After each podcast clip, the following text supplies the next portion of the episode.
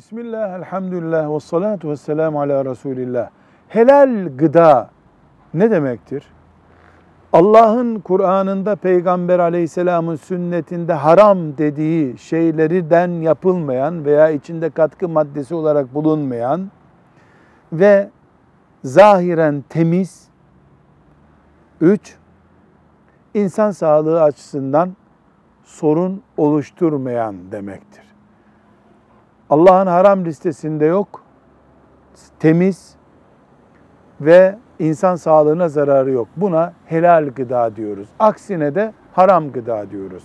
Velhamdülillahi Rabbil Alemin.